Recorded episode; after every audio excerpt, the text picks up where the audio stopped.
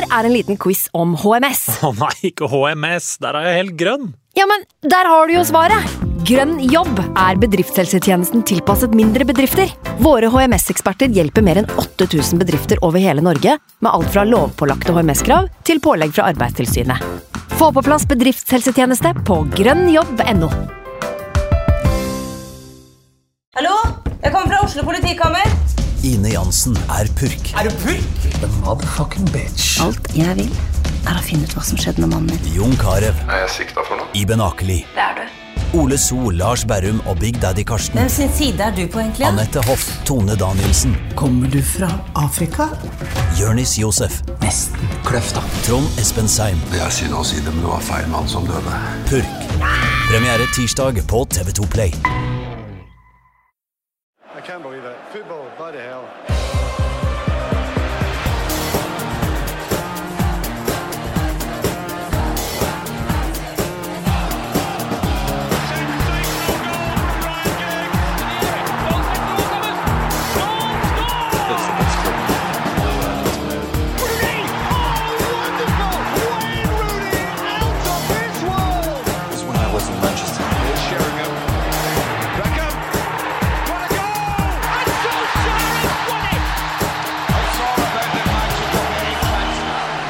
Med et massivt så er Manchester United tilbake i det gjeveste av alle sluttspill i hele, hele verden. Velkommen til United We Podcast. Mitt navn er Ken Vasenius Nilsen fra eh, Anti-TV, TV-produksjonens storstue. Andreas Hedman, velkommen til deg.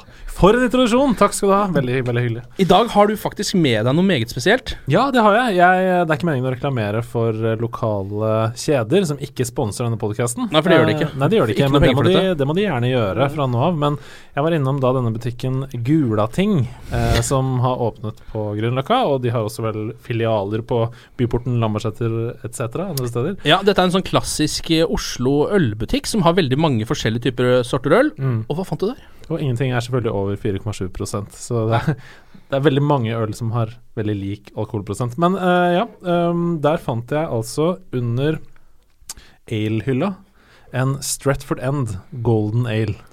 Altså en Um, eh, United-basert pils. Og der står det 'Born, Live, Die United' på siden. Og det er altså brygget av Grünerløkka Brygges. ja, det er fantastisk. Ja. det er fantastisk. Det er ikke alle fotballklubber som har uh, sin egen Grünerløkka-brygga øl. Det er sannsynligvis bare Manchester United, tror jeg. Kanskje Vålerenga, hvis, vi hvis vi er heldige. Uh, og så har vi selvfølgelig også med oss Jonas Giæver, fotballekspert i Viasat. Velkommen til deg også. Hjertelig tusen takk. Du har gått på en liten smell ved at du har vært hos tannlegen og fått deg en uh, sprøyte som ikke skulle treffe der den skulle. Så du har litt nummen tunge, Ja. men den skal fungere ikke optimalt, men kanskje på en 75% ja, for å reklamere for noe, da, så har jeg gjort dette her et par ganger nå i eh, min podkast La Liga Loca, som er en podkast om spansk fotball. Den håper jeg folk hører på. Ja. Uh, der eh, snakker jeg da med, med nummen tunge en gang i uka. Ja, det gjør du. Eh, og SV-politiker, eh, fotballnerd, fantasy Premier League-ekspert, Mina Finstad Berg, velkommen til deg også. Takk, takk. Hyggelig å være her. Det er første gang du er i eh, denne podkasten. Du er jo ikke Manchester United-supporter, det må vi bare få streke under med en gang. Det Så- stemmer. Så folk er klar over det. Men, men eh, kan din fotball, og derfor så tenker jeg at det er fint å ha med noen som kan se det litt utenfra. Eh, det er, som Manchester United-supporter så sitter man så tett i det at noen ganger så mister man helt sidesynet. Så det kan være greit å ha noen som kommer utenfra. Og, ah, følger du noe lag i eh, England i det hele tatt? Ja, altså jeg følger jo Premier League generelt, i og med at jeg jobber med det, men det er jo da Stoke som er mitt eh, engelske Er du lag. Stoke-supporter? Ja, eh, det er jo ikke så moro om dagen, for å si det sånn. Så Nei. ja, og så følger jeg altså Milan annet i Italia, Ja. og litt sånne ting. Hva er ditt forhold til Manchester United, da? Det er jo et lag man har vokst opp med, at uh, alltid har vært viktig. Uh, veldig mange av vennene mine på barneskolen og ungdomsskolen heier jo på Manchester United. Uh, var jo barn da Solskjær, og med flere var i United. Så det er klart at det er et lag som Jeg tror ikke det er mulig å vokse opp på 90-tallet i Norge uten å ha et forhold til Manchester United. Og så har jeg en fetter som er, og en onkel som er ekstreme United-sportere, så jeg har jo også litt flaska opp på mye innspill derfra, da. Ja, har du noen favorittspiller på Manchester United i dagens tall? Altså, tidligere har jeg vært innmari glad i Ander Herrera. Eh, Ja. Jeg syns han var fryktelig god i, i La Liga. Eh, Hausa han veldig opp da han skulle til, eh, til United. Jeg syns fortsatt han er en fin spiller. Eh, han har kanskje vært litt opp og ned i United, men, Ja. men han har vært en personlig favoritt for meg lenge, da. Eh, og det samme gjelder jo egentlig også både Pogba og Alexis. Ja. eh, som jeg fortsatt kaller Alexis fra tida han var i spansk fotball. Jeg kommer aldri til å lære meg å si Sanchez. Eh, Det er ikke men- lov, vet du. Det er egentlig ikke lov, det. Jeg som fulgte ham da han var i Chile, da var han jo Alexis Sanchez. Ja. Så jeg klarer ikke å venne meg til verken Sanchez eller Alexis. Du må si begge deler. feil. Du må si begge deler. Skal vi tar en runde, ta en runde på Supernerd, liksom. Bare sånn for å skutte inn. Ta en runde Ja, du, altså Mina, mener du? Nei, vi begge to er jo det. Ja, Dere er venner, dere? Også? Ja, det er fotballdiskusjoner oss to imellom på diverse puber i Oslo er eh, ganske intense. Så det, Men også vi, altså jeg og Andreas, gikk på folkehøyskole sammen og bodde på samme internat på Romerike folkehøgskole. Så det er veldig trivelig. Se der, ja. Ting, ting går way back her, altså. Det er, eh, alle har en connection. Vi Norske- bor i et veldig lite land. Ja, det Eh, norske fotballmiljøet er ikke så stort. Nei, ikke. Eh, og det er deilig at akkurat vi er en del av det. Er, er det noen som er din favorittspiller i dagens United-stall, egentlig, Andreas? Hmm, uh, David De Hea. Ja, det er det, ja. Jeg er en gammel keeper, vet du. Jeg Ja. sto ti år for Nordstrand Rød eh, før langrennen kom og tok meg. Uh, så ja, nei, David Hea er min favorittspiller uh, per dags dato. Jonas? Ehm, det er veldig vanskelig. Det er jo Er det Alexis Sanchez, eller? Det hadde jo blitt Alexis Sanchez da jeg har fulgt han så mye som eh, jeg har gjort. Men jeg synes jo hvis du skal være en favoritt i en klubb, så må du på en måte ha prestert noe i den Ja, klubben nå. Mm. Men uh, hva angår ærlighet og det å være en spiller som gir alt, så er jeg på andre Rera-toget, jeg også. Men jeg um, Uh, jeg liker personen hans. Altså han, er, den, Mm. han er en type som har sagt i flere anledninger det at uh, jeg jobber som fotballspiller, men jeg er en person. Jeg er en del av et samfunn. Jeg skal uh, fungere i et samfunn og ikke være noe overpå. Ikke være noe, en som tror at han lever i en annen boble enn resten av verden. Mm. Uh, og så er han den fotballspilleren jeg tror som er mest ærlig i intervjuer. Han tør å si det han mener istedenfor disse flosklene som veldig mange Jeg husker da jeg var i Stockholm, da United vant uh, Europaligaen. Da uh, snakket han Da han ble spurt henne på postmatch-intervju, for han ble man of the match. Så det første han sa, var det at jeg, først så vil jeg ta noen minutter her og så og dedikere uh, seieren vår til uh, ofrene i Manchester-tragedien. Mm. Og begynte å snakke om det istedenfor å snakke om fotball. At han sa at dette her er ikke noe Fotball er ikke så viktig når Mm. noe sånt skjer. Så mm, vil jeg ta det først. Og da selvfølgelig, for meg da som syns, så syns jeg det er uh, Du blir veldig endearing hos meg med en gang. Jeg har også lagt merke til det at han er eh, overraskende frisk i intervjuer. Til fotballspillere å være. Mm. Eh, og så ble han jo eh, Manchester United i, på en uke, omtrent. Så Mhm. var han Manchester United. Han var historien. Han var liksom Det var nesten så han løp rundt der med nummer sju på ryggen, eh, på en måte. Men det er ekstremt viktig for spanjoler. Spesielt altså, eh, altså de spanske spillerne United har, da. Juan Mata, Andre kan- Apropos hedersmenn for øvrig, Juan, Juan Mata. ja, oh, ja, ja. Der kan vi, det, kan, det kan vi egentlig dedikere en hel pod til, det å snakke om Juan Mata. Ja, den store er. Den kommer Ja. på et eller annet tidspunkt. Jeg vet ikke helt når, men den, jeg kan, du kan være helt sikker på at den kommer. Ja, men, men spanjolene, kanskje med unntak av David De Gea, for han var så ung da han kom til United, men de, de har en ekstrem respekt for den, den posisjonen Manchester United har i verdensfotballen, og kan ekstremt mye om klubben og forstår seg mye på historien. Marcos Rojo også sa jo det da han kom Han var jo da åpenbart Argentina, selvfølgelig, men han snakket med Juan Sebastian Veron, som fortalte alt om historien til United, og Mm. hvordan klubben fungerte, og hva han måtte, hvilke personer han måtte bukke hodet til da han kom. Og, så altså, I den latinamerikanske verden og for spanjoler så har, som jeg sa sist gang jeg var her også, så har Manchester United en enestående posisjon. Eh, Ander Herrera fikk jo en slags rolle i den kampen vi skal snakke Ja. om nå også, eh, om enn en ganske kort eh, rolle. Um, Manchester United uh, mot Sevilla uh, på Ramón Sanchez Pizjuan Pizjuan Pizjuan, ja. Pizjuan. Takk for det, Jonas. Det Uh. Eh, det ble 0-0. Det er jo ikke noe Det er jo ikke så mye mer å si om akkurat det. Men eh, det første som man begynte å diskutere, det var jo da man så laget. Ja. Hva tenkte dere? Ja, nei, altså jeg ble jo litt uh, irritert da jeg så den lagoppstillingen umiddelbart. Og begynte Ja. å tenke hvem ønsker jeg mest denne klubben, Pogba eller Mourinho? Mm. Som mange liksom uh, sa før kampstart der. Men Mm. da jeg så hvordan den kampen skred frem, um, så var det nok en helt uh, OK avgjørelse. Um, Pogba har ikke vært god nok defensivt denne sesongen, her og Mourinho var helt tydelig i Spania for å holde nullen. Og det tenker jeg at vi bare må eh, respektere. Ehm, og jeg syns heller ikke han gjorde noe spesielt god figur da han kom inn for Herrera, som hadde en frisk start på kampen. Starta kampen positivt, og dessverre da Jeg fikk veldig vondt av han da, da han måtte ut med skade. Og så Ja. så skryter jo Mourinho også etterpå eh, masse av Pogba på pressekonferansen. Eh, både etter kampen og nå før Chelsea-møtet, så jeg tror ikke det er noen gnisninger der. Jeg bare, jeg bare tenker at sånn som eh, kampen skred fram, så var det helt OK å ikke starte med Pogba. Hva tenkte du, Mina, da du så den oppstillingen? Jeg så ble overraska. Eh, Pogba skal være blant de aller aller beste spillerne i United. Det er en av sesongens viktigste kamper. Mm. Sevilla er et veldig veldig tøft lag å møte på, på bortebane. Eh, det er, Jeg la ut en tweet om det etter kampen. Altså, det er ett lag som har slått Sevilla på hjemmebane i år, og det er Real Betis. Ja. De er de eneste som har klart å slå Sevilla. Og det er ikke Sevilla. Rivalen. Ikke sant? Det Og det ble, hva Og- ble det, sånn 7-6 eller noe sånt? sikkert? 5-3. Ja. 5-3. Ja. Og Real Betis er bare involvert i sånne målkalas, Ja. eh, altså. Ja. Eh, men det er, et, det er et lag som er fryktelig sterkt hjemme. Mm. Eh, sånn at så jeg ble overraska over det laguttaket. Eh, og så har jeg tenkt på hva er det han vil med det. Handler det om For det har vært rykter om at det har vært noen, noen issues mellom Mourinho og Pogba. Mm. Vi som følger spansk fotball, tenker umiddelbart på Casillas eh, og som, hvordan Mourinho håndterte han og den eh, krangelen, konflikten som dukka opp mellom de to. Så kan det være noe der. Det var da han til slutt uh, ble pressa ut av Ja. Madrid, så å si, og gikk det Ja, der. og det var Ja. fryktelig trist, altså. Ja. Um, handler det om at Pogba jo tross alt har vært ute av form eh, de siste kampene? Det må man jo kunne være ærlig og si.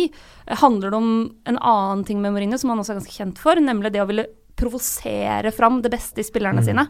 Eh, Hvordan det, har det fungert for han egentlig opp igjennom? Har det vært noe det har suksessformel? Det har variert. Det har variert veldig. Uh, Noen ganger har det funka knallbra. Ja, men det er jo flere spillere som har sagt det noe i etterkant. Frank Lampard var vel ute og sa det. Dette er Mourinho. Sånn gjør han. Altså, Ja. han skal teste deg. Mm. Og enkelte spillere har klart å leve opp til det. Luke Shaw, f.eks. i Manchester United. Han slo jo tilbake voldsomt etter å ha Mourinho testa han om i om igjen. Og nå tester han jo fortsatt da med å la Ashley Young spille. Mm. Men så er det de som ikke klarte å leve opp til det. Henrik Mkhitaryan, f.eks., som da Mm. ble solgt da de booka helt under. Og Pogba har jo ikke fungert i en toer med Matic i Nei, det hele tatt. men- Så ja, der fungerer Scott McTominay bedre.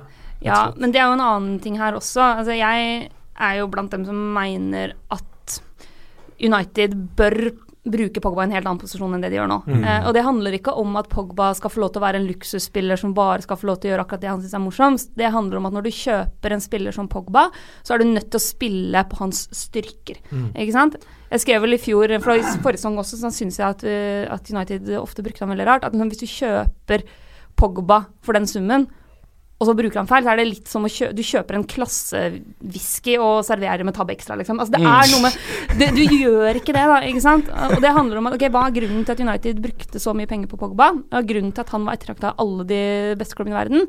Det handla om Pogbas egenskaper. Det handler om teknikken hans kombinert med at han kan skape noe på egen hånd, om som vision, altså det Mm. spilleforståelse. Han kan både skape ting på egen hånd, men skape ting for andre.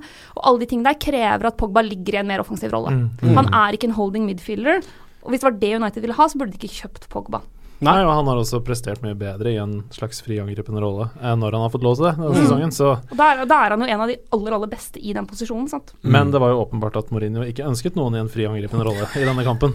Så da, da tenker jeg ok, da var det greit. Men det er jo Men er ikke det mer Når du skal ha to dype midtbanespillere i et lag Nå blir det veldig taktisk her, da. Men veldig ofte så, så indikerer det for meg at det er en trener eller det er et system som skal på veldig mange måter maskere eller beskytte det at eh, midtstopperparet er helt porøst. At det, her, det er elendig, de to som er der. Eller, eller i hvert fall treneren ikke stoler noe på dem. Eh, så jeg ville tro det at han skal ha to som sitter dypt foran Den kampen her var det da Smalling og Lindeløf, og vanligvis er det Jones og Smalling, eller så er Rojo inne i bildet der. At han ikke stoler helt på de, på de. Jeg tror at så fort Erik Bailly er tilbake i, i det laget som jeg mener at er den beste én-mot-én-forsvareren i Premier League, Mm. så tror jeg at det eh, kommer til å gi Pogba en mye friere rolle. For da har Mourinho en som han kan støtte seg på og si at han skal spille til neste år, og han skal spille om fem år og ti år. Jeg tror at per nå så tror jeg ikke han tror verken Jones, Smalling eller Lindeløf skal det per nå. Jeg tror han, jeg tror han håper at Lindeløf kommer til å gjøre det. Og så tror jeg at enten Smalling eller Jones blir værende sammen med Rojo. Jeg tror at enten Mm. Smalling eller Jones blir solgt. Jeg er helt enig, og det har vi liksom snakka mye om denne sesongen. her At Forsvaret er eh, Alle de clean sheetsene United har fått denne sesongen, eh, ljuger litt. Fordi Forsvaret er ikke bra nok. Eh, verdens verken- beste keeper bak der Verdens beste ja. keeper. Det er derfor. Eh, rett og slett, det er derfor. Eh, kommer litt tilbake til det senere, men Opta Joe var jo ute på Twitter etter kampen mot Sevilla eh, og skrev at David De Hea har sluppet inn 19 mål denne sesongen, men eh, ifølge Opta sin expected goal-statistikk så ville en gjennomsnittlig keeper ha sluppet inn 33. Ja. Og det sier jo alt. Det er ganske mye. Og så er det Ja, det halverer, og det er på en måte ting som bare Altså, det, uh, expected goals betyr jo denne skal egentlig bare inn. Mm, mm. Ikke sant? Dette skal bli mål. Det er liksom ikke halvsjansene. Det er liksom det, det, det, det er sikre det er, mål. Det er et forventet mål, da, Ja. som det ligger i navnet. Og det er liksom sånn Den forskjellen mellom 19 og 33 er den største forskjellen på en PL-keeper denne Ja. sesongen. Mm. Og så er det ikke ulovlig å ha verdens beste keeper på payrollen. Selvfølgelig nei, er ikke det ulovlig, men ehm, nå går det rykter om at Alder Weireld er misfornøyd med kontraktsforhandlingene i Tottenham. United skal ha kommet på banen. Jeg tror ikke det er helt urealistisk. At Det er vel noe noen Stefan de Vrij-rykter også, sant? At man begynner å se etter erstattere der. Smalling er ikke god nok. Har ikke vært god nok de siste Nei. fem årene i United. Uh, så ja. Men for å gå tilbake til Paul Pogba, da, for det, det, var- det har vi diskutert det. um, hvis du ser de systemene Paul Pogba har, har fungert i, altså hvis du tenker på midtbanetreere, for det er det Pogba har Mm. fungert i Mina kan sikkert snakke mye mer om Juventus enn meg, men jeg tenker jo det at eh, når du har Arturo Vidal og Claudio Marquisio, som er to energibomber som løper opp og ned og gjør mye av gråarbeidet rundt han, så får han en friere rolle til å være den som skal gjøre mest med ballen offensivt. I Frankrike så har du Bless Matuidi og Ngolo Kanté. Mm. Altså, jeg, jeg vil ikke å si noe mer enn Bless Matuidi og Ngolo Kanté, Nei. så skjønner de som hører på at eh, da har du ganske mye frihet. Mm.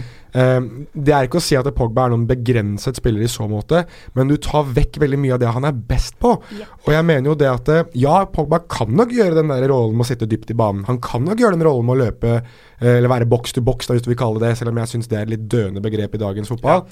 Men da tar du vekk det han egentlig burde gjøre, og det han egentlig koster 90 millioner pund for, eller 89 millioner pund, eller hva det endte på. Eh, det er å skape sjanser. Det er å ha målgivende. Det er å ha mål. Det er å være den som dikterer laget fremover i banen. Se Steven Gerrard eh, 2008-2009-sesongen for Liverpool, f.eks. Xabi Alonso Javier Mascherano gjorde drittjobben rundt eh, eh, Steven Gerrard, og så kunne Gerrard kjøre framover i banen. Og det var da folk snakket om at han var verdens beste midtbanespiller. Mm. Og jeg vet at det er å banne i kirka det å mene at en Liverpool-spiller kanskje var verdens beste midtbanespiller i en United-podkast, men det var tilfellet. Det samme var for Frank Lampard også i sin tid. Han fikk lov til å gjøre en mer offensiv rolle. Og Derfor så var han nummer to på Ballon d'Or-kåringen for Mm. 2005-2006, Ja. et eller annet sånt noe. Altså, og det er den rollen som jeg tror at United må prøve også på en eller annen måte eh, få Pogba inn i, da. Og det, da må du ha en ved siden av Matic. Så Matic, eh, som nå også begynner å trekke litt på åra, har kanskje begynt å vise at han ikke er like dynamisk hele tiden som United-fansen hadde håpet på. Ja. Eh, samtidig som man gir Pogba liksom nøkkelen til kongeriket her, da.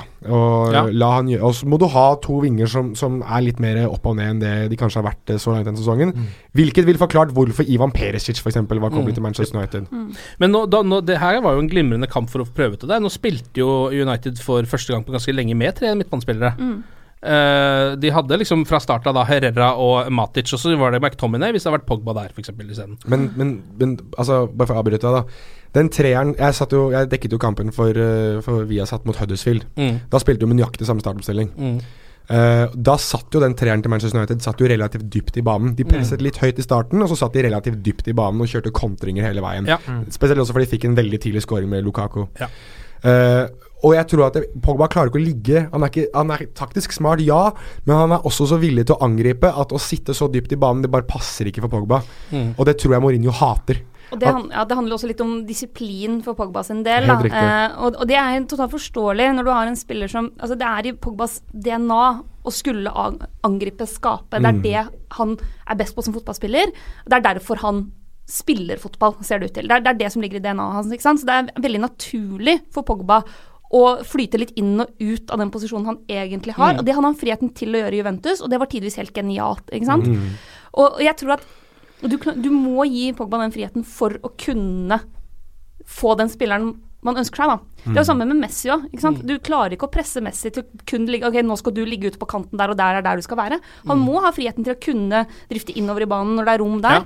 Og det handler også om de fotballspillerne som har den fotballforståelsen, den fotballsmartheten som bl.a. Pogba har. Til, altså, Pogba er en av de spillerne som når han har dagen, finner rom der ingen andre ser det. Han Mm. kan slå de geniale pasningene, han ser hvor løpene skal komme, han ser hvor det er plass, hvor det egentlig ser ut som det er helt stengt av. ikke sant? Mm. Og da må han ha friheten til å kunne gå inn i de rommene, til å kunne Mm. utnytte det. Og det hadde også passa helt 100 glimrende mot Sevilla. Ja. Mm. Det er Men- det som gjør at alt dette her er så merkelig for meg. Men den eneste som har den friheten som Mina snakker om her, det er jo Alexis Sanchez. Han er den eneste Ja. United som faktisk har den friheten per dags dato. Han er over hele banen hele tiden. Ja. Mm. Eh, fordi det passer han. Ja. Eh, og det virker som om der eh, har Mourinho så respekt for spilleren Alexis, at han lar han gjøre det. Mm. Mens uh, Pogba har ikke kommet helt dit ennå. Nei, kan jeg, kan jeg avbryte deg der? For der er jeg veldig uenig. Okay. Fordi han vet at Alexis Sanchez ikke kan gjøre den defensive grunnjobben. Han vet nok at Pogba kan gjøre den. Det er bare det at du burde ikke gjøre Pogba Eller burde ikke la Mm. Pogba gjøre den jobben. Det er litt sånn det Zlatan sa en gang om hvordan Guardiola spilte han. At, at han ble fortalt av en kompis at han var en Ferrari, men ble kjørt som en Fiat. Det er litt sånn den der whisky tab extra-greia. Og eh, jeg tror at det, det, det funker nok å drikke whisky med tab extra. Det er nok ikke noe godt, men det funker. Det går ned. Eh, men jeg tror ikke at hvis du prøver å gjøre med Alexis Sanchez, så er det Altså Det er eh, som å drikke whitesprit, liksom, og få han til å spille forsvar. eh, Ja, på, ja, den, på den måten der. Eller i hvert fall disiplinert forsvar. Ja. Eh, det eneste måten du får Sanchez til å fungere i, i forsvar, er å, å presse høyt. Det gjorde jo Chile, blant annet. Mm. Så det Ja. Skal du gjøre det? Og det liker ikke Mourinho. Det er jo, da er det jo plutselig dis, Da er jo ikke disiplinen helt eh, kastet ut av vinduet. Og så er jo det Mourinho selv sier, er jo at fordi at Pogba ikke eh, gjorde seg selv spilleklar til Huddersfield Mm. FA Cup-kampen, Han ringte jo på morgenen han, og sa at jeg er sjuk. ja, eh, så satte han da et uh, lite spørsmålstegn ved hvorvidt han var klar til denne kampen. Mm. Eh, som er en slags sånn blanding av holdninger osv. som han på en måte bare hinter litt til. da Mm. Og det er for så vidt, hvis det, hvis det går på sånne ting, eh, så er jo det en litt annen sak, føler jeg. Hvis han faktisk helt på ekte mener at Paul Pogba har dårlige holdninger, så er det én ting. Men hvis det er det at han på en måte ehm, har lyst til å straffe han for noe, hvis du skjønner hva jeg mener, så syns jeg det er litt eh, så, så går jeg ikke med på det. Jeg kjenner at jeg blir utrolig irritert. Ja, Det går ikke jeg med på, men jeg tror ikke noe på det. Jeg tror ikke han er ute etter å straffe han for noe nå. Eh, det jeg har ikke noe jeg kan eh, slå i bordet med som Nei. bekrefter at det liksom er sånn Nei, han er ikke ute etter å straffe han. Men, men jeg, jeg ser ikke noen grunn til det når Nei. han er så positiv utad i media. Og eh, siste jeg så før jeg gikk inn i studio her, var Paul Pogba sin Instagram-story, hvor han er det lykkeligste jeg har sett Paul Pogba noensinne. Han går rundt i sola i Manchester og snakker om It's too hot. There is something wrong with Manchester. It's too hot in Manchester. Pogba er jo en Så jeg bare, han er, han er, altså, det er ikke noe gærent med Paul Pogba om dagen. Og så la han vel også ut et Instagram-bilde av seg selv på banen med United-drakt på, hvor, han, hvor, hvor liksom caption var 'God's plan'. Ja. Altså Det er greit at det er en Drake-sang som er veldig populær om dagen, Ja. men jeg vil jo tro at det kanskje indikerer det at det, Ja ja, det er litt motstand, men Ja, ja, det overkommer vi. Han, han har vel også Jeg tenkte da på at det var Guds plan at Herrera skulle bli Ja, for det var det jeg tenkte. At jeg, det er ikke helt innafor Er ikke det litt sånn eh. Men han har også innført hashtaggen uh, Hashtag we can always do better uh, denne Ja. sesongen, som han bruker på nesten alle ganger hvor det er litt motstand, så ok. Ja. Jeg tenker at Vi får håpe han er tilbake i startelveren mot Chelsea. Uh, gjør en bra jobb der, så er alt dette her glemt. Det er bare, uh, sånn type murring er det verste jeg vet. Eh, med de beste spillerne. Det. Ja, det er, det er ikke noe deilig. Og så går vi over på da neste på en måte, fase av denne pra pr praten, som egentlig går litt i ett. Men hva var kampplanen til José Mourinho mot Sevilla, rent bortsett fra å ikke slippe inn mål? For det var vel kanskje nummer én, Ja. tror jeg. Og jeg tror det var å, å prøve så godt som mulig å nøytralisere midtbana til Ja. Sevilla. Ja. Eh, Banega Nsonsi. Eh, det tror jeg var liksom gameplan nummer én. Eh, for, og det er helt naturlig når du spiller mot. Sevilla, og det klarer man. Eh, og det vil Ja, kanskje- gjorde han det? Altså, Eve Banega hadde flest touch av alle spillerne på banen. Jo. Men kanskje ikke han fikk så mye ut av de som han vanligvis gjør. Har, Men, har ikke noe å si hvis de touchene er mm, sidespilt eller tilbake. Nei. Det eneste han ikke klarte å nøytralisere De to han ikke klarte å nøytralisere, var Joaquin Correa ute på venstrekanten. ja, han sleit Ja. med, altså. Og eh, Franco Vasques. Ja, De to sleit veldig med de to. Og. United skal være glad for at noe av det som kanskje Korea fortsatt mangler litt for å kunne bli helt toppnorsk, er avslutninger. Ja. Han er en Mm. fantastisk Ja. god spiller, kjempetalent, kommer seg til masse sjanser. Mangler fortsatt en del på litt sånn ja, avslutteregenskaper. Ja. Eh, Eller å spille opp på slutten. Han er, han Ja. er den typen som eh, Litt han, vurderinger, og gjøre de Ja. riktige vurderingene i de med riktig timing. han er fortsatt litt Welbeck. Litt eh, sånn som Raheem Sterling var før. For øvrig største kjæledeggen til Petter Wæland på Sevilla-laget. Elsker Joaquin Correa. Ja, men han er, altså, han er en nydelig spiller. Jeg er helt enig i det. Jeg er enig i det, for all del. Um, ja, nei, men, ja, men ok, så det liksom um, Men hva, hva Altså sånn Du som er eh, en objektiv og ikke sitter i, eh, med Manchester United-drakta og ser på denne kampen, Mm. hva, te- hva, hva tenkte du da du så hvordan Mourinho gikk ut, da? Tenkte du liksom sånn Ja, det er vel det som må til for å få noe som helst ut av en kamp mot Sevilla? Eller tenkte du uh, Manchester United kan godt spille litt bedre enn dette, de kunne godt skåret et mål? Jeg syns Sevilla var tamme, jeg, hvis jeg skal være helt ærlig. It's, ja. De var bedre enn United, men de var tamme. Det var egentlig en sånn type gameplan jeg også forventa av Mourinho. Ja. jeg ser Mourinho som en veldig pragmatisk trener. Ja. Eh, det som betyr noe for han, er å gå videre i Champions League. Mm. Han driter i om vi sitter her og snakker om at det ikke var nok underholdende nok i den kampen. Ja. Han, er, han vil aldri være en sånn type trener som bare kaster alt framover fordi det er sånn attacking football er det man skal gjøre. Mm. Så, så det er omtrent sånn jeg forventa at Mourinho skulle gjøre i den kampen. Tatt i betraktning at det er Sevilla de møter, og de møter dem i Spania. Mm. Tatt i betraktning hvor fantastisk gode Sevilla har vært på hjemmebane i år. Jeg sjekka litt opp til rundt kampen, og altså Hjemme i år så har Sevilla tatt 24 poeng, borte har de tatt 15. Mm. De har en målforskjell på pluss 9 på hjemmebane og på minus 13 på bortebane den sesongen. Det er ganske stor forskjell Ikke sant? Ja. Altså, det, det er et lag hvor Og dette vet jo Mourinho, ja, selvfølgelig. ja, men hjemme-bortfordel har alltid noe å si. Men for, Mm. Sevilla er et av de lagene hvor det har ekstremt mye å si, og Ja. mer å si enn vanlig. Ja. Og gitt det utgangspunktet, så var det her omtrent det jeg også forventa Mm.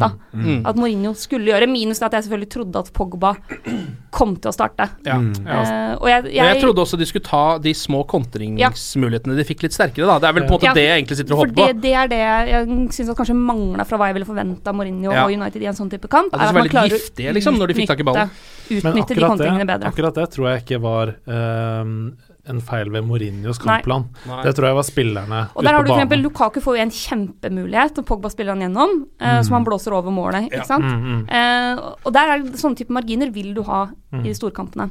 Ja. altså som vi har snakka mye om her nå, Mourinho var ute etter å holde nullen eh, og skåre på de sjansene som United fikk i løpet av den kampen. Uh, og det er jo ingen overraskelse. Han har gjort det alle, samme i alle storkamper denne sesongen. Og jeg mener jo personlig også at det er en klok strategi da, på bortebane i åttendelsfinale mot et hjemmelag som Mina er inne på aldri taper på hjemmebane. Uh, Ferguson gjorde det samme. Masse da vi spilte i Champions League på bortebane. De kampene skal vinnes på Old Trafford, og selv om den kampen var dritkjedelig, så vil jeg heller reise hjem til Manchester med 0-0 og det utgangspunktet, enn å ligge kanskje 1-2, da, eller 1-3. Og sånn for min del som nøytral, da, skulle jeg ønske at det var en kamp med to lag som begge angrep, og hvor det var mer liksom, boks til boks hele tida med action. Ja, selvfølgelig, for det er en morsommere fotballkamp, men jeg har full forståelse for at det er den taktikken Mourinho legger seg på. Men til å være Ja, ok, Jonas, så skulle vi være Nei, jeg, jeg skulle bare si at det er litt sånn øh, Den diskusjonen her har vi hatt hver gang jeg har vært her, nesten. Ja. uh, fordi det er, jeg, eller ikke hver gang, men f.eks. i storkamper. da Liverpool-kampen. Hva er Mm. taktikken? Akkurat samme som det er her. Mm. Altså Det er kliss likt. Det er en vanskelig bortekamp. Mourinho har ikke lyst til å gi bort noe. Han, har ikke, han tenker at uh, hvis jeg ikke kan vinne, så har jeg i hvert fall ikke lyst til å tape. Mm. Og, Han kan jo vinne! Ja, Men det er ikke det han ikke er sikker på. da, ikke sant? For Han er ikke sikker på alle deler av laget sitt. Mm. Jeg, tror, jeg tror at dette er lag han fortsatt tenker at er på rundt 70-75 av hvordan han ønsker at United skal framstå. Er 70-75% Manchester United bedre enn 100% Sevilla per nå, med ny trener, ny nykomponert forsvarsfirer, en Sonsi som har begynt å komme inn i laget etter at det har vært mye murring i laget, er Kanskje. Kanskje det er bedre, men Mourinho er ikke sikker, og da vil han ikke gjøre det. Og det Mourinho vet, er det at eh, et Manchester United på 75% under floodlights, og, eller flomlys som det heter på norsk, og eh, Champions League-hymne på Old Trafford med et jublende publikum og størt for den som går bananas for hver eneste lille touch. Det er ikke 75% det er 150 nesten hver eneste gang. Det er i hvert fall det han kommer til å forvente av dem. Og da tror jeg ikke det har så veldig mye å si om du heter Sevilla eller Real Madrid eller Barcelona eller Paris Saint-Germain. Det er et annet monster når du spiller på Old Trafford. Det er ikke nødvendigvis sånn at du er garantert seier. Men jeg tror Mourinho og spillerne er mye mer sikre på seg selv når de er Ja. på egen bane. Selvfølgelig. Ja, statistikken. Og hvis du står på 0-0, da, så sier Mourinho Vel, hva må vi gjøre for noe for å gå videre nå? Vi må vinne på hjemmebane. Det gjør vi som regel, gjør vi ikke det? Jo, jo.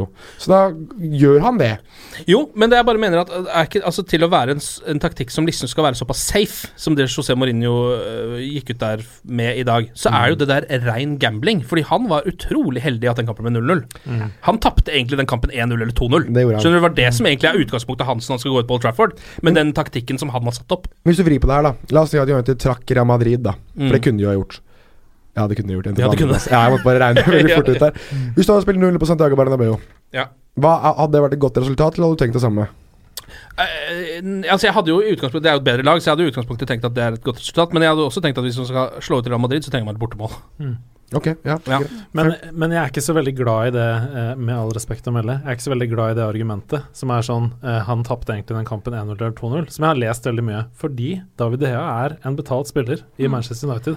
Han er like viktig som en Ja, ja, ja. forsvarsspiller. Hvis det hadde vært en midtstopper i verdensklasse som hadde kasta seg inn og blokkert et skudd, så hadde vi også kanskje sagt å shit, det var en helt syk prestasjon. Vi forventa å tape den kampen 1-0 pga. den sjuke prestasjonen. Men vi tapte ikke 1-0 fordi den midtstopperen var der, eller Ja. fordi den keeperen var der. Så vi fikk med oss Ja, jeg bare mener at det, eh, 0-0 det er ikke noe jeg syns José Mourinho skal få noe særlig kred for. Nei. Det er det jeg prøver å mene. Jeg mener at han skal ha en slags masterplan som går utover det at Ja, men noen av spillerne mine er jo supermenn, så de fikk Altså, skjønner du hva jeg mener? Hvis det bare er det du har å lene deg på, så syns jeg ikke du er en god fotballtrener. Faksmaskin, ass. ja. Å, takk, den faksmaskinen. Ja, Skal vi gi en liten klapp til faksmaskinen igjen? Å, det er så deilig, den faksmaskinen. Og da kan man jo si at man burde forvente at United som vi var inne på i stad, kunne ha utnytta kontringene Ja. bedre. Det er en helt naturlig strategi å tenke at ok, vi ligger dypt, vi, vi spiller defensivt, og så tar vi de offensive sjansene Mm. vi kan. Det er en helt fair strategi. Men det er jo der United kanskje ikke lykkes så godt som man burde kunne forvente da, Mm. i den matchen her. Jeg syns det mangla litt dynamikk i det offensive, altså i angrepsleddet. Eh, Ja. Ballen gikk ofte ikke helt kjapt nok Nei. når man først fikk sjansen. Og Det ser er ikke ut som Sanchez og Lukaku er en link ennå, i hvert fall. Eh, det kan hende det kommer, men eh, Så det er klart at Der mangler man litt i den kampen, syns jeg, da. Mm. Eh, Det høres jo ut som liksom the story of United eh, de siste sesongene. Mangler Ja. dynamikk i angrepsspillet. og Det er noe av det jeg trodde skulle komme med Alexis Sanchez. eh, Mm. og også det at da får du flere spillere som må passes på av motstander. Fordi Alexis er en sånn type spiller som Hvis du er et forsvarende lag, du kan ikke la ham gå uforstyrra. Du er nødt til å være oppmerksom på han hele tida, for du veit han kan eksplodere når som helst Mm. i en hvilken som helst kamp. Mm. Ikke sant? Så han er et konstant uromoment for det forsvarende laget. Mm. Og det må United også klare å utnytte. At når han blir bindet opp, så kan det f.eks. skape mer rom for andre offensive spillere. Mm. ikke sant? Og samme med Lukaku også, som Mm. alltid er et helvete å ha foran der. Så liksom, eh, ja. Vi har, vi har snakka veldig mye om det denne sesongen generelt, men det virker jo ikke som eh, at Mourinho har en offensiv strategi Nei. for Manchester United. Det virker som han tenker dette er fantastiske fotballspillere, de må løse det sjøl. Mm. Jeg skal først og fremst ødelegge, først og fremst spille defensivt, og så skal de få løse det med det magiske de skal stille opp med. Og Mm. igjen mot Sevilla, pumpe lange baller på Lukaku. Jeg blir ikke overbevist av det, ass. Nei. Jeg ikke det, ass. Nei, det der så ikke bra ut, altså. Jeg tror uansett du skal uh, fokusere Nå sitter jeg og leser en statistikk her som jeg syns jeg alltid hviler meg på når spør, folk spør hva er egentlig en offensiv plan til José Mourinho. Da sier jeg det at sjekk uh, ligatabellen for La Liga 20 Skal vi se, beklager 2011-2012. Real Madrid under José Mourinho vant La Liga med 100 poeng. De skåret 121 mål.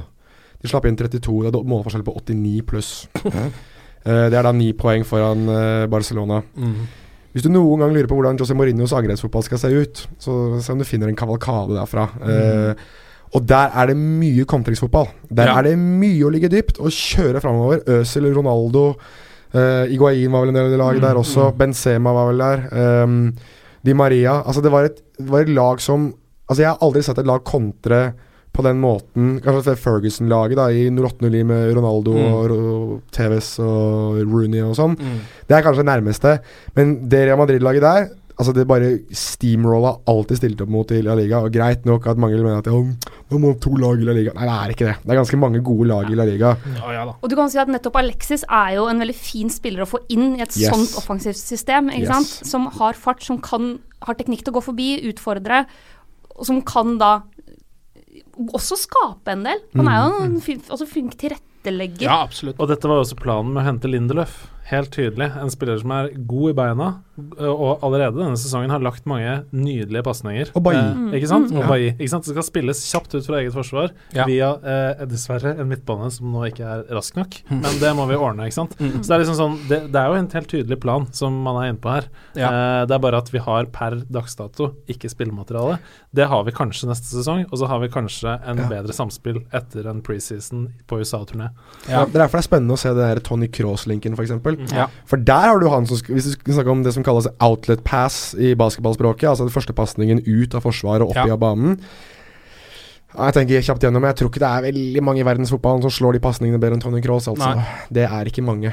Det er Kanskje Sergio Busquets. Ja, Vi får håpe at det skjer noe der, Fordi er akkurat nå så sitter man jo da liksom med åttendelsfinale i Champions League hvor vi pumper baller eh, opp mot Lukaku hver eneste gang man har ballen, og bare gir den bort. Og det er på en måte planen, da.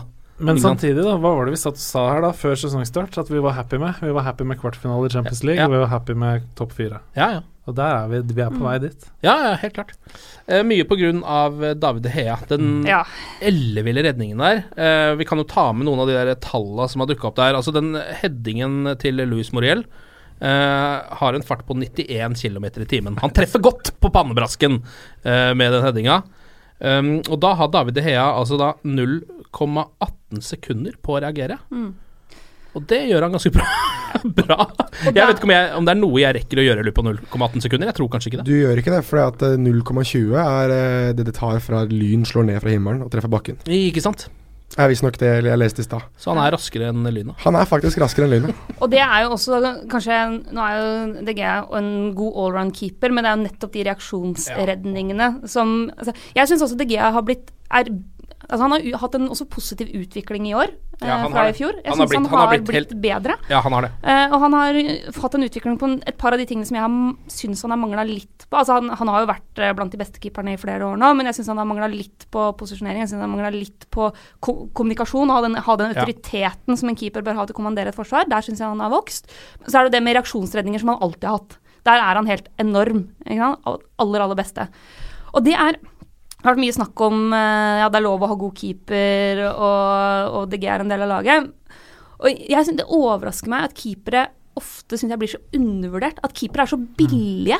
Ja. Syns jeg er kjempe, kjemperart. Altså, I sommer gikk Ederson forbi Buffon som tidenes dyreste keeper. Buffon har spilt ja. i Juventus i ganske mange sesonger.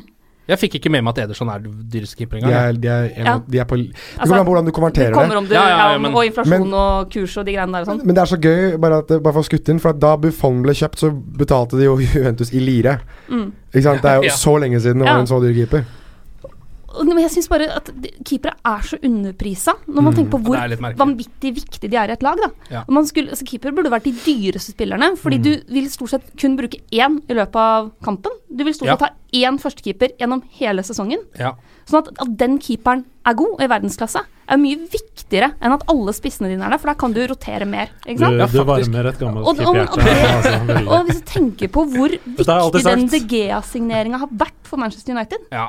Det, de er, altså Gjennom eh, Manchester Uniteds historie så har det aldri f kjøpt en spiller som har skaffa flere poeng enn David Egga. Det altså, nekter jeg å tro.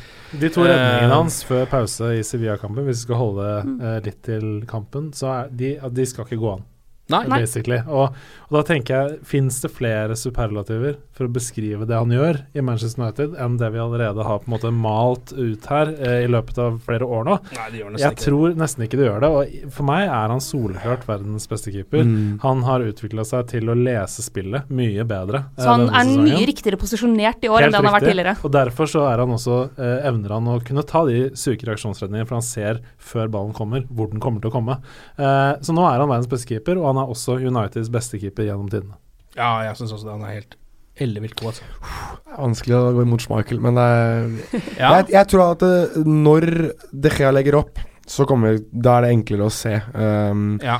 Men jeg tror um, ja, Det er én og to og Schmeichel og De Gea, det kan jeg være med på. Selv om jeg er veldig glad i Edin van de Sar. Da. Og Schmeichel og Thorstvedt var grunnen til at jeg ble keeper. Så Ja. det, er et, det sitter langt inne for meg også å si det. Men, eh, men ja.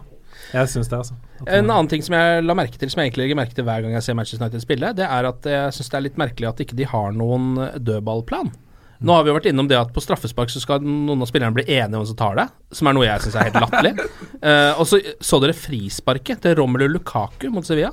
Ja, hvorfor tar, Hvorfor tar han Lukaku frispark? Altså, Man ser jo at det, gikk, det var jo et elendig frispark, men det må man jo regne med. Romelu Lukaku er ikke en frisparkskytter. Han har jo tatt frispark før og skåret, da.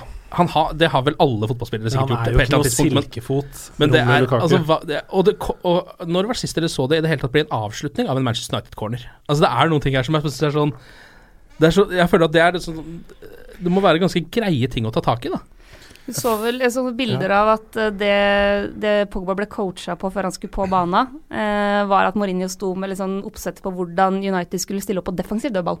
Ja, selvfølgelig. Eh, og hvordan de skulle forsvare dødball, var liksom det Ja. han ble coacha på som det siste rett før han gikk på bana. Jeg, altså jeg er helt enig. Det, det, dette er en del av det argumentet som jeg snakket om i sted, at vi ikke har noen offensiv plan. Ja. Men ehm, for to sesonger siden så tok Phil Jones corneret. Ja. uh, vi har kommet et stykke. Det var bare én kamp, tror jeg. Men, men Nei, det var en periode. Nei, det var flere Ok, Okay, det var flere, jeg husker det, Lu- altså. Louis van Hall hadde tydeligvis funnet, funnet et eller annet som Ja. andre Eller sett noe som ingen andre hadde sett. Ja. Jeg husker jo er Jeg, jeg måtte spole tilbake for å se om det faktisk var riktig at Phil Jones tok det. har, du sett, har du sett det klippet på preseason? Det var første preseason med Louis van Hall. Hvor han står og prøver å fortelle Wayne Rooney hvordan han skal ta straffespark. Ja. You have to look at the goalkeeper. Liksom, Going to left, to right. Ja, står det. Det er noe av det morsomste. De som ikke har sett det, gå inn og søk Louis van Hall, Wayne Rooney. corner. Det Ja, er, veldig det er veldig mye. Det er så elementært. Oh, ja. Nei, ok, Skal vi ta en kåring av Uniteds tre beste spillere mot Sevilla? da? Det er jo um, på en Ja. måte en ganske vrien jobb. Man of the match er veldig enkel, da. Den er nok det. Vil du begynne, Mina? Vi pleier å da gi tre poeng til den beste, to til nest beste og ett poeng til tredje beste United-spiller. Altså, David vi er jo best, liksom. Eh, Ja. Altså, Tre poeng? sånn er det bare. Er det noen andre som har noen andre på eh, førsteplass? Nei, jeg har bare lyst til å si liksom sånn eh, Verdensklassespillere De redder egenhendige matcher, enten Ja. samme hvor de er på banen. Uh, og akkurat nå så ser David De Hea ut som vår eneste verdensklassespiller. I hvert fall i akkurat den kampen, kanskje. ja. Mm. Uh, hva med uh, Uniteds nest beste spiller? da? Jonas, du var også enig i David De Gea, regner jeg med? Ja, nei, ja, ja. skal ikke være noe Skal ikke være noe vrien på det. Nei, det skal ikke være noe bæ. Nest beste spiller, da? Er det noen som har noe der? Hvem har du på Jeg har Altså, nå var det jo Mina som ble spurt. Ja, vil du begynne, Mina? begynne. Jeg, jeg har faktisk lyst til å gi den til McTominay. Ja, Mm. Uh, jeg syns at han gjør en god kamp. han gjør det. Eh, han er ung. Det er, jeg vet ikke om dere så postmatch-intervjuet med han.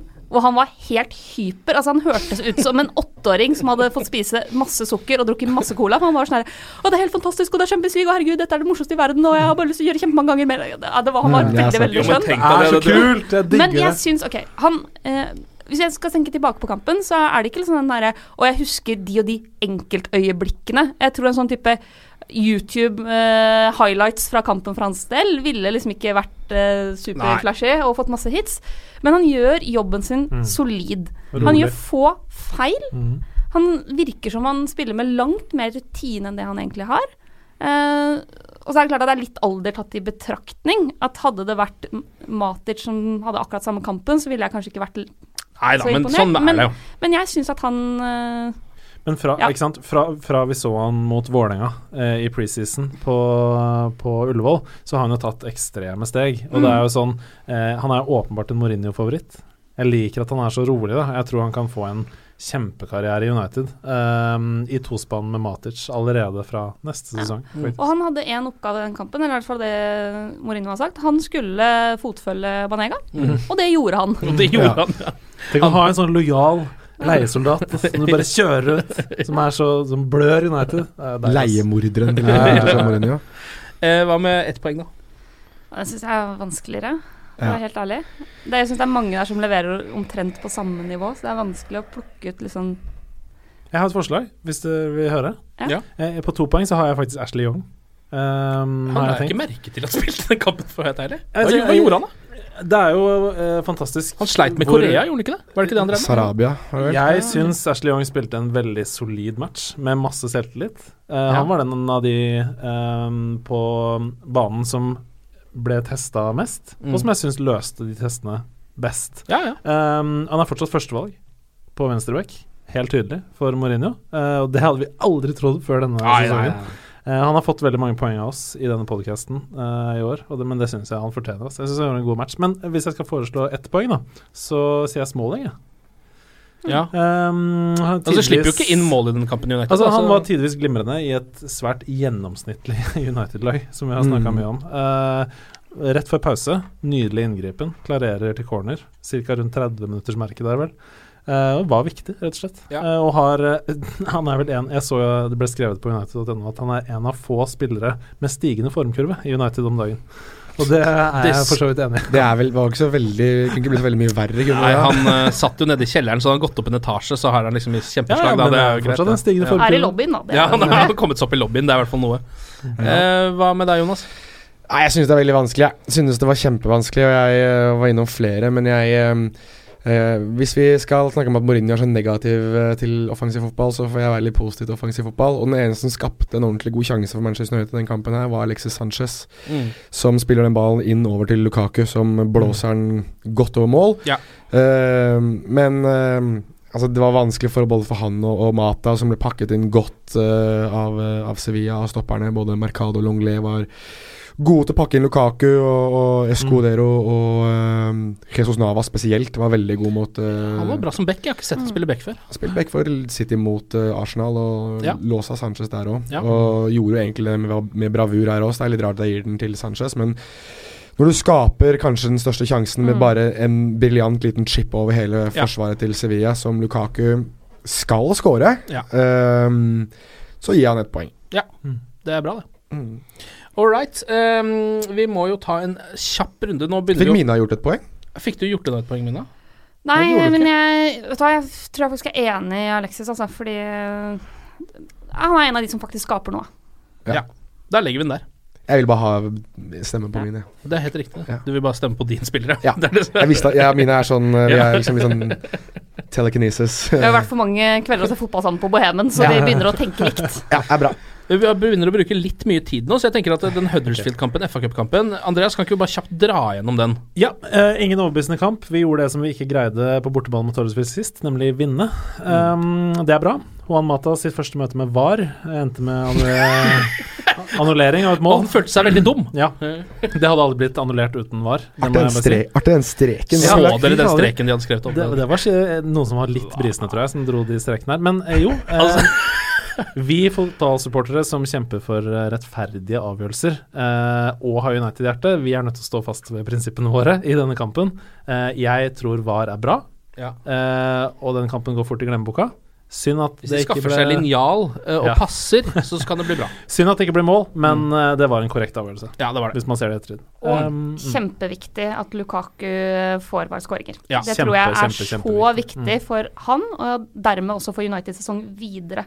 At Ja. han får spille på seg litt sjøltillit. Mm. To fine avslutninger der. Ja, hvor det, han gjør to alt målene der var klasse, syns jeg faktisk. hvor han gjør veldig, veldig absolutt veldig alt riktig, og starter jo også det ene angrepet sjøl ved å Ja. vinne ballen Mm. dypt. Så det tror jeg er kjempeviktig for Lukaku, og det kommer til å bli bra for United også på sikt. Ja. Hvis vi kjapt skal gi noen poeng der, så er det Ja. åpenbart tre poeng til Lukaku. Eh, det er jo akkurat sånn som du er inne på her, at vi elsker han. Eh, råsterk, full av selvtillit, eh, skårer to mål. Umulig å ha med å gjøre i, i boksen der, så det var deilig å se. To poeng. Mata gjør en veldig god kamp, gjør gode valg. Involvert i det meste av det som skjer offensivt, egentlig. Målgivende til Lukaku. Mm. Absolutt. Og trodde jo som resten av verden at han hadde skåra. Da var mente noe annet. Um, så gjør en veldig god kamp. Ett poeng. Sanchez. Eh, en pasning til Lukaku der på 2-0 som særdeles få i verden gjør etter han, Mm. eh, syns jeg. Eh, ellers en ganske usynlig dag på jobben, men den pasningen og noen andre pasninger eh, gir han ett poeng, altså. Det blir fasiten, Andreas. Vi rekker ikke å kjøre en runde på det hele gjengen. så deilig da kunne du faktisk velge for en gangs skyld. Det er Chelsea på Old Trafford på søndag. Det er neste Manchester United-kamp. En storkamp. Eh, ekstremt viktig kamp nå, fordi ved tap av poeng Ehm, Eller hvis si at Chelsea vinner, så tar du jo igjen eh, Manchester United. Blir, blir A-poeng. Um, Liverpool slår jo sannsynligvis Westham og vil jo da også ta igjen United. Plutselig ligger man der da og maser nede på den fjerdeplasslinja hvis eh, man taper mot Chelsea nå. Um, jeg har ikke en kjempegod følelse. Nei, Hva eh, med dere? Vi skal kunne slå Chelsea. Jeg, og jeg tror, som du er inne på, at vi må det. Mm. Med tanke på eh, denne helgen, men også alle de andre topplagene sitt program fremover. Spesielt Tottenham syns jeg ser veldig farlig ut. Har et veldig bra program fremover og er i form. Eh, jeg håper jo at vi går ut fra start for å score veldig tidlig, men jeg tviler ekstremt sterkt på det. Jeg tror at det blir en dritkjedelig fotballkamp, akkurat som de andre kampene. Og jeg tror at vi går først og fremst for å ødelegge for Chelsea. Um, men de er ikke veldig gode om dagen. Hvis de finner ut av det Giroud-Hazard-samarbeidet, som de har så vidt begynt å finne ut av, så kan de bli farlige. Men Ja. jeg ber jo til gudene da, for at Conte starter eh, Hazard som false nine, sånn som de gjorde mot Barcelona, og fortsetter å bare mate lange baller på han, for da er han jo helt useless. Ja, da var Um, William var jo helt glimrende da mot mm, Barca. ja, Eh, så han er i form, tydeligvis. Han kommer sikkert til å starte, tipper jeg. Samme Hazard, kanskje Giroud på topp. Det kan bli litt skummelt. Hazard sa vel det også etter kampen mot Barcelona, at jeg var, fikk vel kanskje 25 involveringer i løpet av kampen, og 15 av de var på hodet. Um, det er ikke sånn jeg vil spille fotball. Nei. Uh, sa han veldig tydelig. Så, Men la oss håpe at det ikke har noe å si, og at de fortsetter å bruke han i den rollen. Men kom igjen, la oss snakke om det morsomme her. da Antonio Conte mot José Mm, Mourinho. Den kampen er Ja. vunnet allerede. Det er så artig, den der ja. krigen mellom de to. Nå har de begge to liksom døyva den ned før kampen, og da vet du at de begge to er sånn Jeg skal ikke gi noen ting til han andre, jeg skal ikke si noen ting. Og så når kampen er i gang, Og du har han ene gærne italieneren som hopper og skriker på ene sidelinja, og han derre småsure, litt sånn maniske portugiseren på andre sida. Det kommer til å bli helt nydelig, vet du. Og Det også en nøytral supporter, så er jo det Det er jo en kamp jeg gleder meg veldig til. Eh, jeg tror United tar det. Ja. Eh, Sier du det bare fordi du kommer du til å gå på Chelsea-podkasten etterpå og si det andre noe annet? Nei, men, det- men det handler også litt om, eh, om eh, hjemmeform eh, Ja. og en del sånne ting. Eh, så tror jeg at United eh, tar det. Jeg tror det blir fryktelig jevnt. Det er to trenere, to lag som ikke har råd til å tape. Og det er det kommer det til å være det viktigste for begge lag, er å ikke tape. Ja. Eh, det er blir det ikke- aller, det blir en spennende, men kanskje ikke så veldig god fotballkamp. Da, Men det jeg tror blir viktig for United i den kampen, er for det første så må han selvfølgelig klare å ta seg av Hazard mm. på en lovlig, men effektiv måte. Da har du jo le Eh, leiemorder Scott McTominay. Ja, ja, ja, ja, ja. Og så altså, er det noe med, med altså, Man må på et eller annet vis klare å, å utnytte det rommet som du får på kant når de offensive wingbackene Ja. til Chelsea er med opp i angrep. Mm. Uh, så, så blir det en del rom bak der. Uh, og det må man kunne klare å utnytte på en god måte, og det har man egentlig farta til på vingene. Mhm. Så man bør, Det tror jeg blir liksom nøkkelen i den kampen, at man må få et par sånne kontringer hvor, man, hvor Chelsea har etterlatt seg rom bak vingbekkene. og så er man, er man nødt til å utnytte de bedre enn det man gjorde mot Sevilla. Valencia var ganske svak mot Sevilla. Han må opp noen nivå eh, mot Chelsea, rett og slett. Og der kan det også bli litt rom for f.eks. Alexis, da. Ja, mm, han har vel hatt god kamp mot Chelsea tidligere, har han ikke? Han skåra mot Chelsea Han har vel to mål og én assist, hvis ikke jeg husker feil, Mm. som Arsenal-spiller. Men tapt mange som Arsenal-spiller. Det har jo Han har jo vært med å vinne, vinne FA Cup-kamp Eller FA Ja, Cup-finale sant. mot, uh, Mm. mot Chelsea, og da skåra han vel, gjorde han ikke det? Hvis jeg husker helt feil. Men, jeg eh. Jeg kjenner, jeg kjenner at jeg har et sånn eh, slags sånn fantasi eh, eh, liten sånn scenario som jeg har i hodet, om at Manchester United kommer til å gå opp til eh, 1-0 i det 93. minutt. Og så kommer José Mourinho til å stå og juble provoserende foran Antonio Conte. Altså sånn ordentlig, sånn at Conte slår til han. Det er det jeg Og ser. rykke, rykke den litt i tupeen? ja! Kommer til å hysje på han, noe som eh, så, ja, men det, De er så barnslige, de to. Det ja, men det er typisk altså, José Mourinho har jo hysja på både kameraer og bortesupportere og det som er tidligere, han. Så det er jo Ja ikke noe Hadde ikke vært han imot å gjøre det. Jeg Ja. tror at det, det morsomste for United var jo før uh, den sesongen her, var det vel, eller underveis i sist sesong, så var det jo Telegraph-oppslag hvor det sto Antonio Conte one superduo. Og da var den duoen han ville ha, var Ja. Alexis Sanchez og Romelu Lukaku. Ja. Og i løpet av denne sesongen her så vet jo alle hva som har skjedd. De begge to har jo Mm. gått til Manchester United. Så det morsomste vel for United-supportere hadde vært om de to ble tungen på vektskåla, og Ja. du får et hav av bilder hvor de to feirer med United-supporterne i United-drakt, og en ganske sånn skrekkslagen Antonio Conte på sidelinja. Det er vel sikkert det beste som hadde skjedd, vel. Jeg, jeg må bare si at selv om jeg håper og tror at det blir en kjedelig fotballkamp uh, med lite mål, så er Du jeg også håper også jeg en håper det. fotballkamp. Jeg håper, for jeg tør Ja. ikke at det skal bli noe annet. Nei, uh, så er jeg liksom fryktelig redd for at vi også um, At det blir hypa veldig mye i forkant. Uh, United på hjemmebane, solide. Old Trafford. Uh, forte. Her er liksom vår gode statistikk. Og så er det 3-0 til Chelsea etter et kvarter. Ja. Det kan skje. Det kan skje, det. Det kan skje. Alt kan skje. Men Erik Bailly er tilbake i denne kampen, er det ikke det? Kanskje. Han er i hvert fall eh, Kanskje Han er vel i tropp, kanskje. Det må jo være optimalt for Manchester Jeg vil jo tro at han alene kan jo gjøre endre hele det laget til United. Men der snakker vi rusten kampform, da. Tjommi. Ja, men uh, har du, altså den fysiske formen til Erik Bailly Ja, altså, den er nydelig. Greit nok at kampformen er litt rusten, men altså, han er fortsatt like rask og fortsatt like sterk. Altså. Ja. Og han og Antone Ja, altså, Valencia på høyresiden av forsvaret. Ja. Jeg elsker han, jeg òg. Syns han er en fantastisk morsom, morsom karakter. Jeg bare Men- skulle ønske at det var Huddersfield eller Westham vi skulle møte før Bailly skal liksom uh, møte Chelsea for første, i sin første kamp på fire Ja. måneder, eller hva det er. Nei, Fotballspillet har kommet tilbake igjen og prestert i første kamp, de. Så det, David Louise var vel kongen av det en gang i tiden. Bare komme tilbake til oppgjør og være Ja, ja, ja. utrolig god. Han har også et ganske sterkt SoMe-game om dagen, altså Erik Bailly. Det er mye dansing og mye deilig som skjer der, så følg han. Følg han. Han virker glad og gira. Kan vi også nevne bare på tampen her at Manchester United har fått seg YouTube-kanal.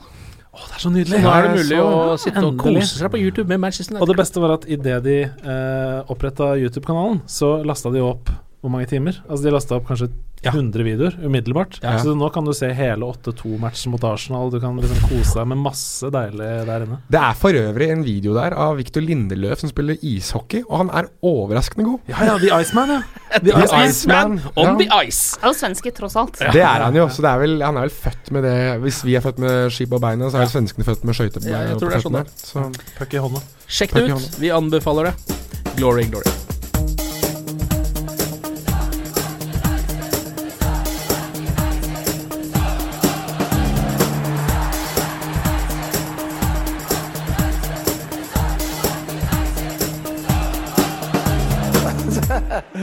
It's true. I've seen many things. Ukens annonsør det er matkasseleverandøren Hello Fresh. Der kan du velge mellom 25 ulike oppskrifter hver uke, eller få Hello Fresh til å sette sammen en meny for deg. Jeg sparer tid på å handle, oppskriften er veldig enkle å lage, og så får jeg akkurat det jeg trenger da, til hver eneste rett, så jeg slipper å kaste så mye mat som jeg vanligvis gjør. Det er også litt deilig å faktisk slippe å gå på butikken, ikke bare fordi det er tidkrevende og sånn, men fordi man ender opp med å kjøpe så mye greier som man egentlig ikke trenger, sånn som fire poser eh, Smash og en kick med havsalt, eksempel. Det er ikke det du egentlig er der for, du er der for å kjøpe, kjøpe middag. Så det er en veldig eh, kjekk ting. I tillegg så er det jo eh, ferdigporsjonerte ingredienser, det blir mindre matsvinn, og du betaler bare for det du faktisk trenger, og det du faktisk da spiser. I tillegg så blir det da levert på døra til et eh, fastsatt tidspunkt, sånn at du kan få det akkurat når det passer for deg eh, sjæl. Hvis Hello Fresh høres ut som noe for deg, så har jeg en rabattkode du kan bruke også. Gå inn på hellofresh.no og bruk koden HelloUnited24. HelloUnited i ett ord, også 24, og få opptil 1779 kroner i rabatt på de fem første matkassene dine hvis du ikke har prøvd Hello Fresh ennå. Du kan også bruke koden hvis du tidligere har vært kunde, men har stoppa abonnementet ditt for tolv måneder siden eller mer. Det er ingen bindingstid, og du kan pause eller avslutte abonnementet ditt akkurat når du selv måtte ønske. Husk koden HelloUnited24, og bon appétit! Ukens annonsør er Folio, en smartere banktjeneste for deg som har en egen bedrift eller ønsker å starte for deg selv. Folio er en superenkel nettbank for bedrifter. Som kunde i Folio får du en bedriftskonto med et bedriftskort og app. I denne appen er det smarte løsninger som forenkler regnskapet ditt, uansett om du har en liten bedrift eller et enkeltpersonsforetak. Folio er både intuitivt og brukervennlig, og er laget med et enkelt språk. I tillegg tilbyr de forutsigbare priser og ingen skjulte gebyrer. Skulle du likevel trenge det, så kan du snakke med deres raske og hyggelige kundeservice, og der får du prate med en faktisk person og ikke en chatbot. Folio er med andre ord både enklere og koseligere enn banken. Over 10 000 bedrifter har allerede valgt Folio som sin banktjeneste, så besøk folio.no og se hvordan Folio kan forenkle din hverdag også. Har du et enkeltpersonforetak eller en liten bedrift? Da er du sikkert lei av å høre meg snakke om hvor enkelt det er med kvitteringer og bilag i fiken, så vi eh, gir oss her, vi. Fordi vi liker enkelt. Fiken superenkelt regnskap.